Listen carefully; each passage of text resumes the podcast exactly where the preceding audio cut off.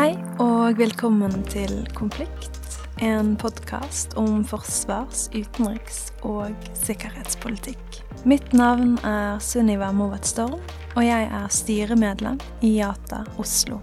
I den siste episoden før jul kunne du høre styremedlem Rikard Federhoffer prate med Jørgen Vatne Fridnes om Nobels fredspris. Denne uken har jeg fått besøk av seniorforsker Tor Bukkvold fra Forsvarets forskningsinstitutt for å fortelle om Wagner og andre russiske private militære selskaper, og hvordan disse kan fungere som et utenrikspolitisk virkemiddel for Russland. Innledningsvis, kan du fortelle hva du legger i begrepet private militære selskaper, eller forkortet PMS? Jeg kan starte med det. Det er jo eh, til en viss grad sjølforklarende. Det er altså noen som driver med militær virksomhet for betaling.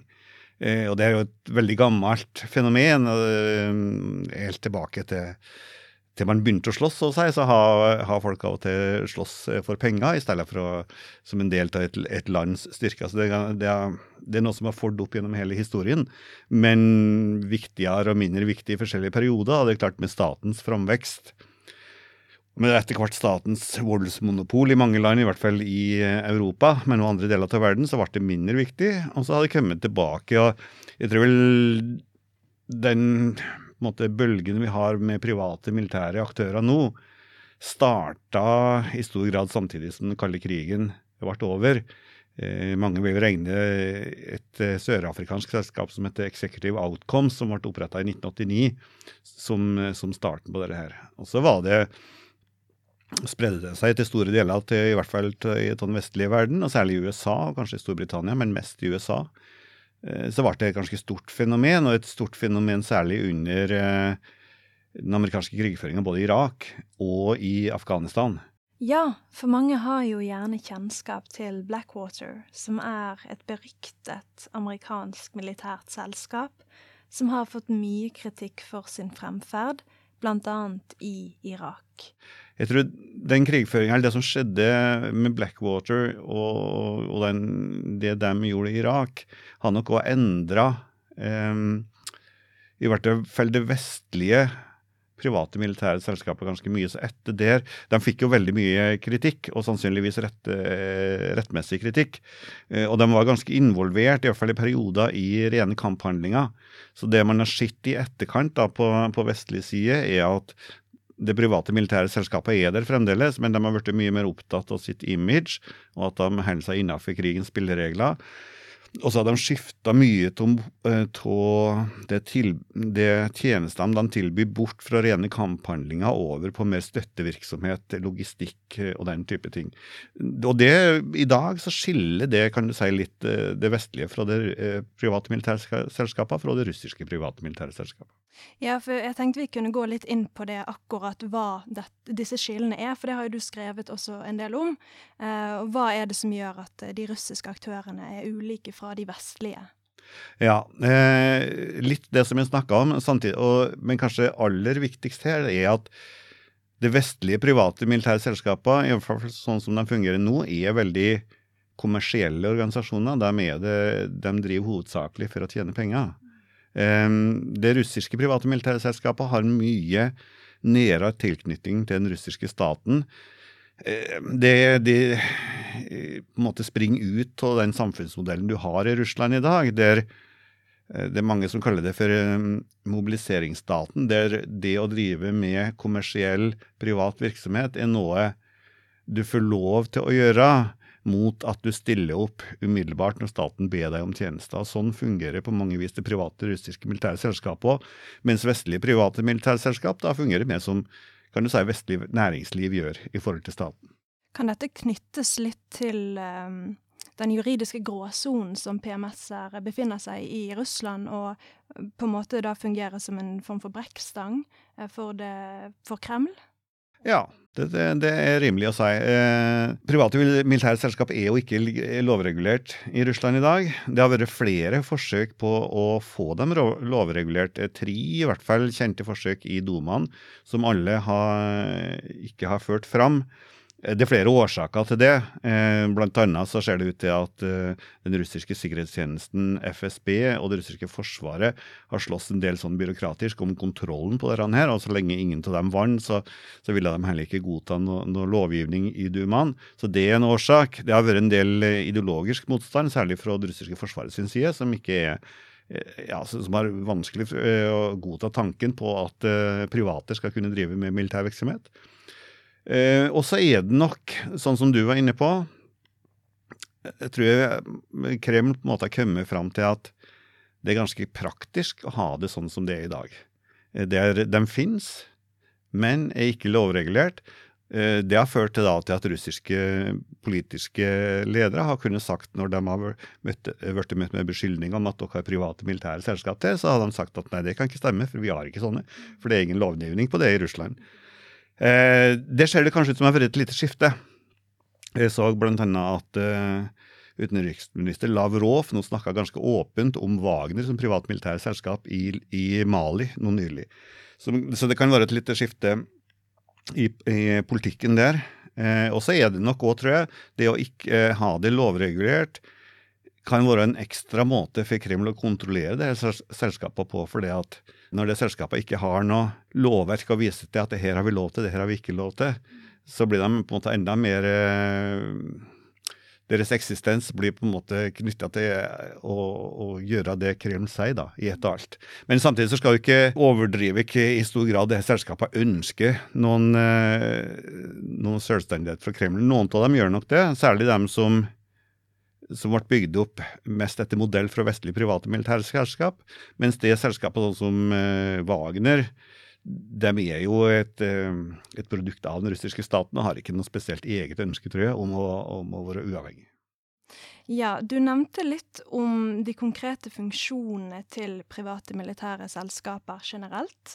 Men kan du fortelle litt mer om de spesifikke funksjonene private militære selskaper har for Kreml som et utenrikspolitisk instrument? Det er jo flere funksjoner. Eh, man kan jo si at det starta med å bruke dem eh, som erstatning for regulære russiske styrker.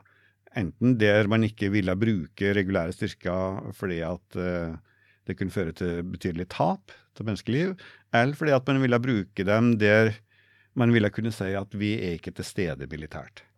Uh, så det er mye, i hvert fall den siste bølga av private russiske militære selskap, uh, det var i Ukraina i krigen i Donbass i 2014-2015. Der de, jeg tror ikke de spilte en kjempestor rolle, men de spilte en ikke ubetydelig rolle i den krigføringa.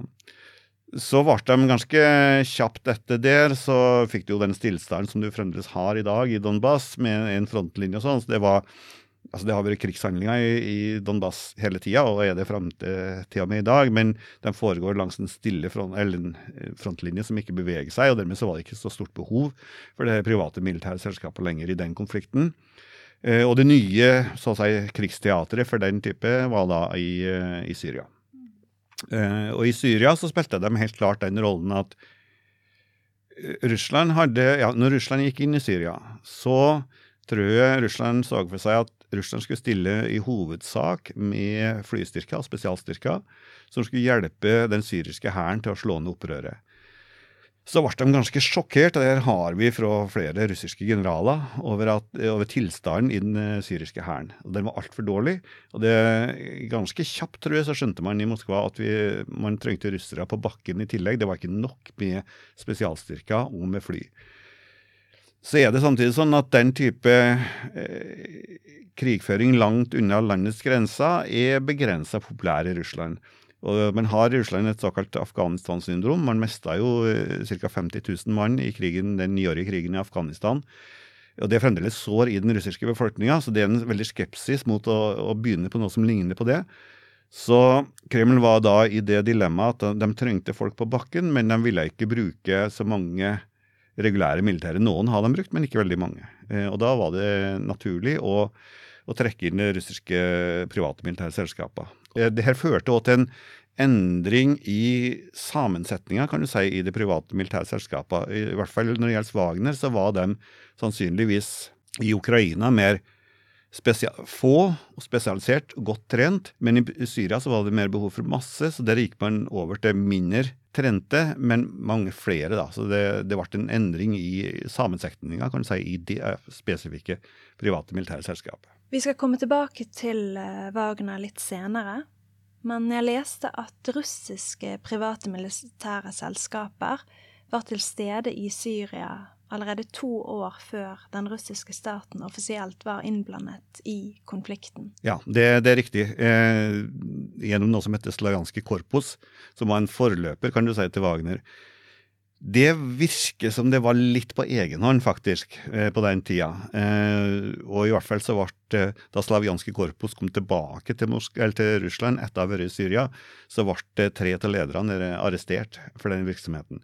Så det, her, det illustrerer på en måte noe som problem, et problem som Kreml generelt har i bruken med militære selskap. Da, at du kan ikke ja, det, Av og til så er det behov for å gi dem litt frihet.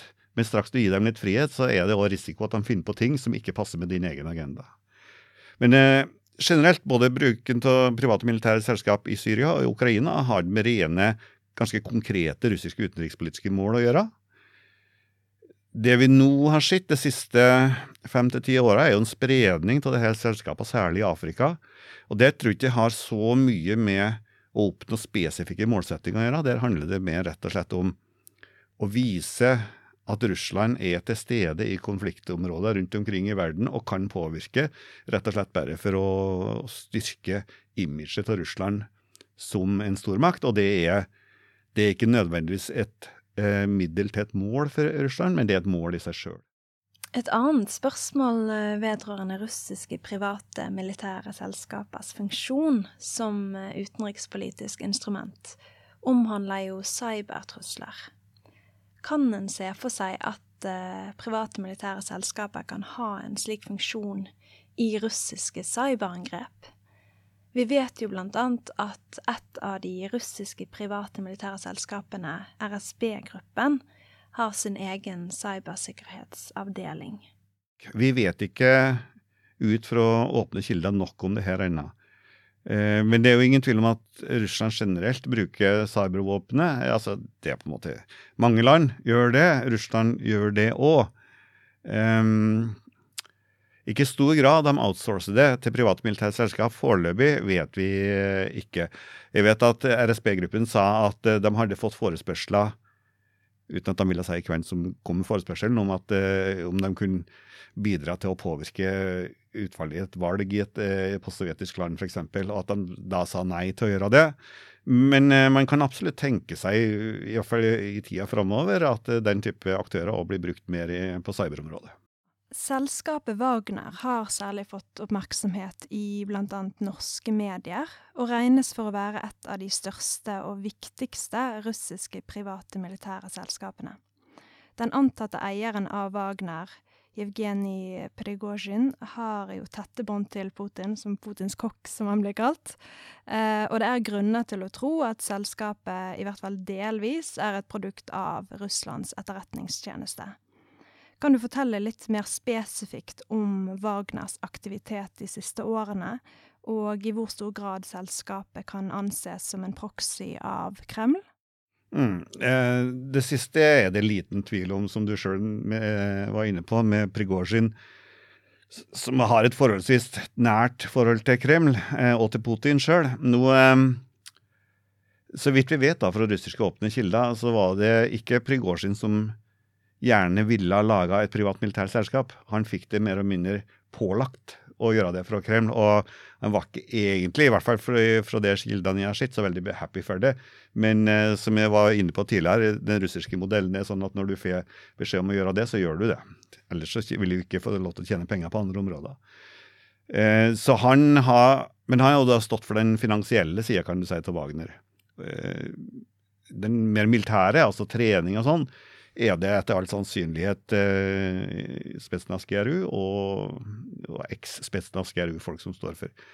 Og Det ser man jo bl.a. med at da hovedbasen til Wagner ligger i Molkina, en, en liten by i Sør-Russland. og Den ligger altså rett over veien for hovedbasen til den 10. Spetsnaz-brigade, som også er i Molkina. Så det, det, er jo ikke tilfeldig at de ligger på hver sin side av veien, da. Det, så det, det, er ganske klart at det her er et delvis kommersielt foretagende som springer ut fra eksisterende militære eh, strukturer.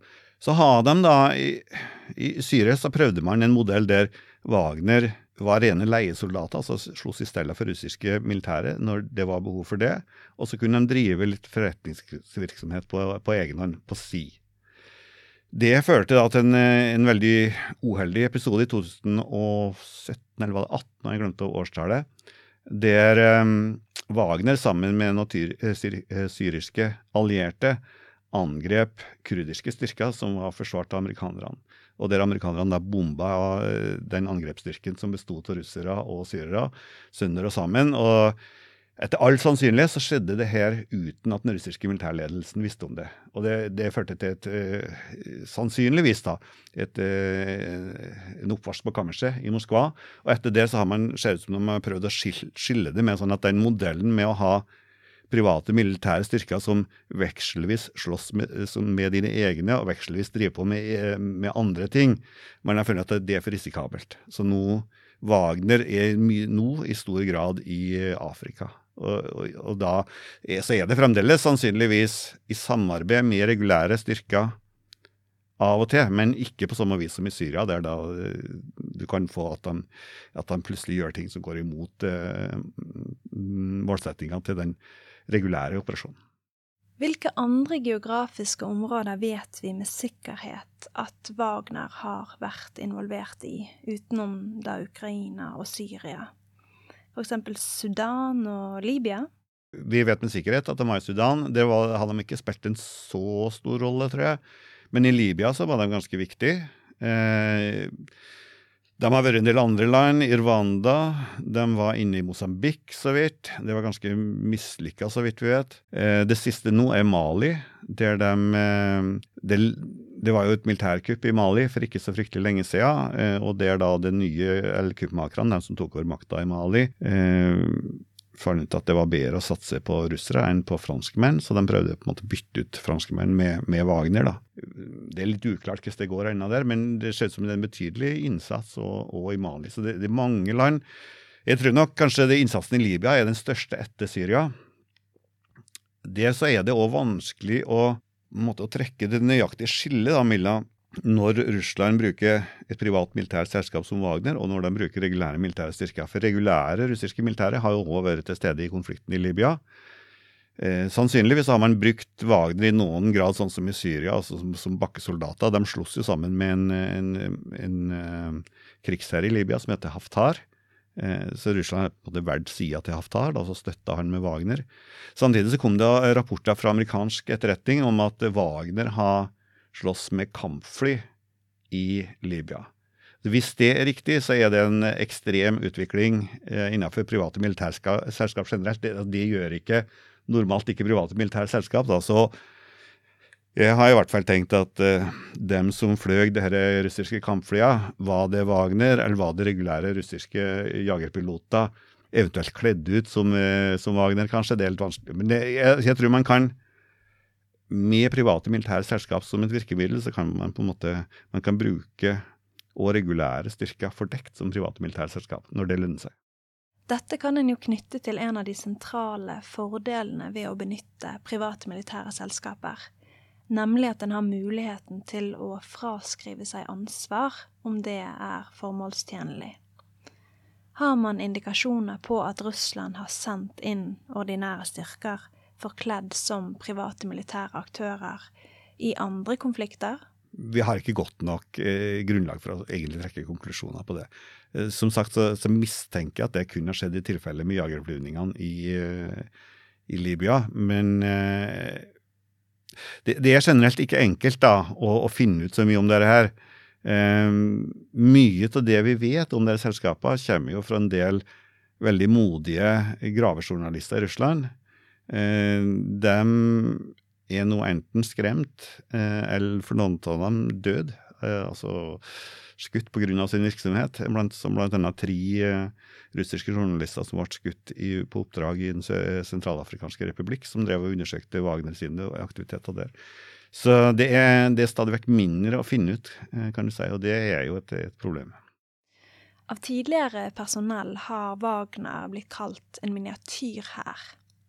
Kan du si noe om størrelsesorden av Wagner? Vi er ganske sikre på at Wagner er det absolutt største. Altså egentlig helt dominerende eh, nå tror jeg, i hvert fall blant det selskapet som er, mm, som er skapt av Kreml. Det finnes en del, sånn som vi var tidligere inne på, RSB Group. Det, det selskapet har en helt annen opprinnelse. Der var det rett og slett en, en bottom up-prosess, der det russiske eks-russiske militære ville tjene penger, og de ønska å lage et selskap som ligner på vestlige private militære selskap. Mens Wagner er noe, en helt en russisk modell, kan du si. Så når det gjelder hvordan de fungerer og begrepet miniatyr her, så stemmer nok det i perioder, i andre perioder ikke. Eh, som jeg var inne på litt tidligere, så var sannsynligvis Wagner i, i Donbass mer lignende spesialstyrker, altså forholdsvis få, men godt trente. Eh, så som jeg nevnte, så kom du til Syria, så var det behov for masse. Så fikk du en endring i Wagner, sånn at du fikk inn mye mer folk som ikke hadde spesielt høy trening, men, men du trengte mange. Eh, og det ser man bl.a. på at lønningene i Wagner gikk, eh, de ble så å si halvert i løpet av perioden i, i Syria. Eh, og der var de såpass mange at de sloss Det kan man snakke om som en liten miniatyr her. De hadde jeg vet ikke om de var kanskje ikke på brigadenivå, men de var mer, kanskje mer som en bataljonsstridsgruppe. Men det var ganske mange da de hadde og tilgang til pansra kjøretøy, sannsynligvis en del artilleri og sånn som Ja, så den beskrivelsen du har der, kan stemme der. Det de har gjort i Afrika, er nok mer tilbake til litt sånn uh, spesialstyrkeaktig, men uh, kanskje mer på trening på treningssida. Altså ikke så mye direkte eh, operasjoner, men mye trene lokale styrker. Bortsett fra Libya, der de slåss ganske direkte. Så det, det veldig, virker veldig fleksibelt da, hvordan de slåss som en militær eh, enhet. Er det riktig at enkelte russiske private militære selskap har vært involvert i å trene opp høyreekstremister? Det fantes i, i en periode på 2000-tallet en, en slags tredje type private militære selskaper i Russland som også var sånn mer bottom up, altså som kom fra grasrota. Som var motiv, eh, motivert til ideologi heller enn eh, en penger. Et, eh, det mest kjente er et som heter Enot, det, men det selskapet er vel mer eller mindre nedlagt nå. Men dem trente høyreekstreme, så vidt vi vet. For dem var da uh, ja, i hovedsak motivert ideologi. Altså det var russiske nasjonalister eller høyreekstreme som laga et privat militært selskap.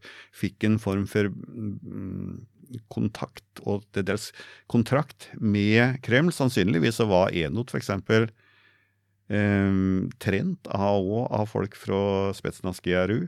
Spetsnaz GRU styrte mye av aksjonene deres, men, eh, men ikke alt. Eh, og, men Enot drev i tillegg treningsleirer, så vidt vi vet, for høyreekstreme i Russland. Men dette mer ideologisk motiverte selskapene ser ut til mer eller mindre forsvunnet. Og generelt så er det et trekk eller en tendens ved Kreml at man er ganske skeptisk overfor initiativ nedenfra. Særlig, særlig, ideologisk motiverte initiativ. For folk som er mm, ideologisk motivert, er normalt vanskeligere å kontrollere enn folk som er motivert av penger. Det som var en idé i, Det har ikke skjedd i en særlig grad ennå, men når man prøvde å legalisere det disse russiske private militære selskapene, så var en av ideene bak legalisering, altså en av dem som drev, drev denne prosessen i Dumaen, han argumenterte med det at vi bør ha private militære selskap som kan leies ut til ledere i det postsovjetiske området som står i fare for å miste makta i folkeopprør. Altså Han sa helt eh, eh direkte hvis vi har hatt et ordentlig privat militært selskap når Maidan skjedde i, eh, i, Ukraina i 2014, så ville vi kunne unngått det som skjedde der. Så det, det var òg en, en, tanke bak noen av de private militære selskapene, men det har i begrensa grad eh, manifestert seg, tror jeg. Men dette blir jo, eh, hvis du snakker om å benytte de for å støtte opp allierte, så blir vel det også litt samme som tilfellet Syria-Sudan? Ja, det, det er rimelig sagt å si. Eh, men det var nok den tankegangen med å støtte allierte her var nok i hovedsak, tror jeg, i det postsovjetiske området.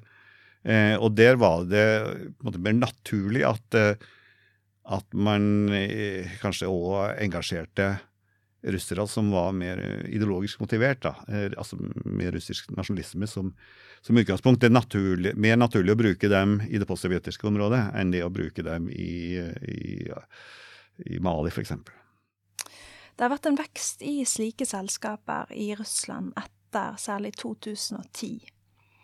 Kan denne veksten knyttes til konflikten i Ukraina, eller finnes det andre drivkrefter som har ført til denne økningen? Nei, jeg tror altså jeg, jeg, så det bare at det ble lansert som et argument når man ønska å, å, å, legalisere private militære selskap. Jeg tror ikke det er en vesentlig grunn til at de ble oppretta overhodet. Jeg tror det, der er det andre grunner. Det er først og fremst Jeg tror det viktigste er å ha en Eh, styrke som kan slåss på bakken, som kan settes inn når du ikke har lyst til å sette inn egne styrker pga. Afghanistan-syndromet.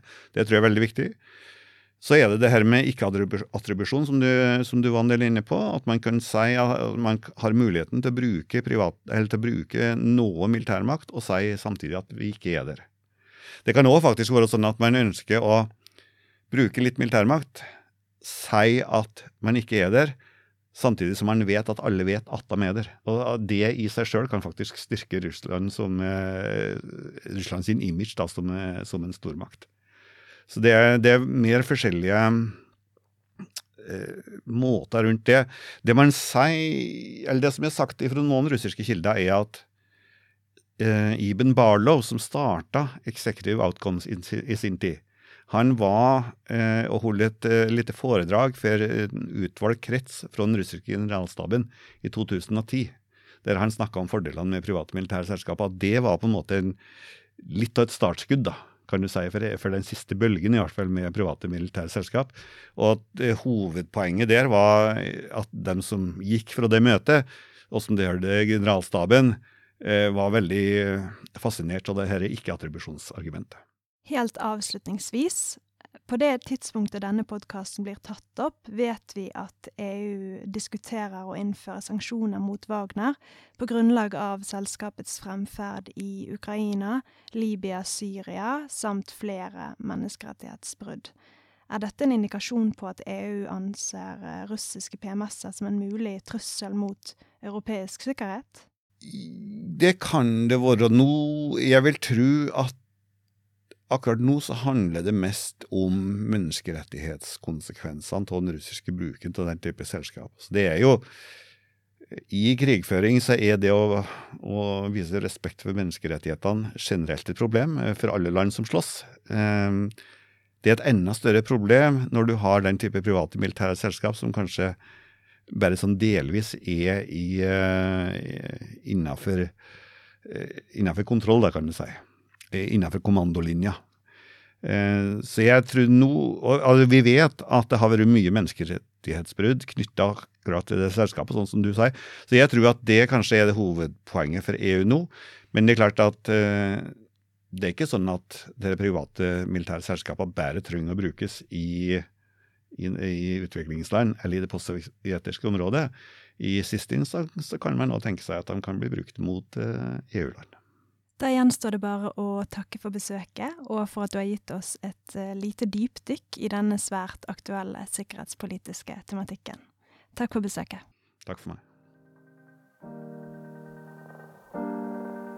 Du har nå hørt Konflikt, en podkast av Jata Oslo.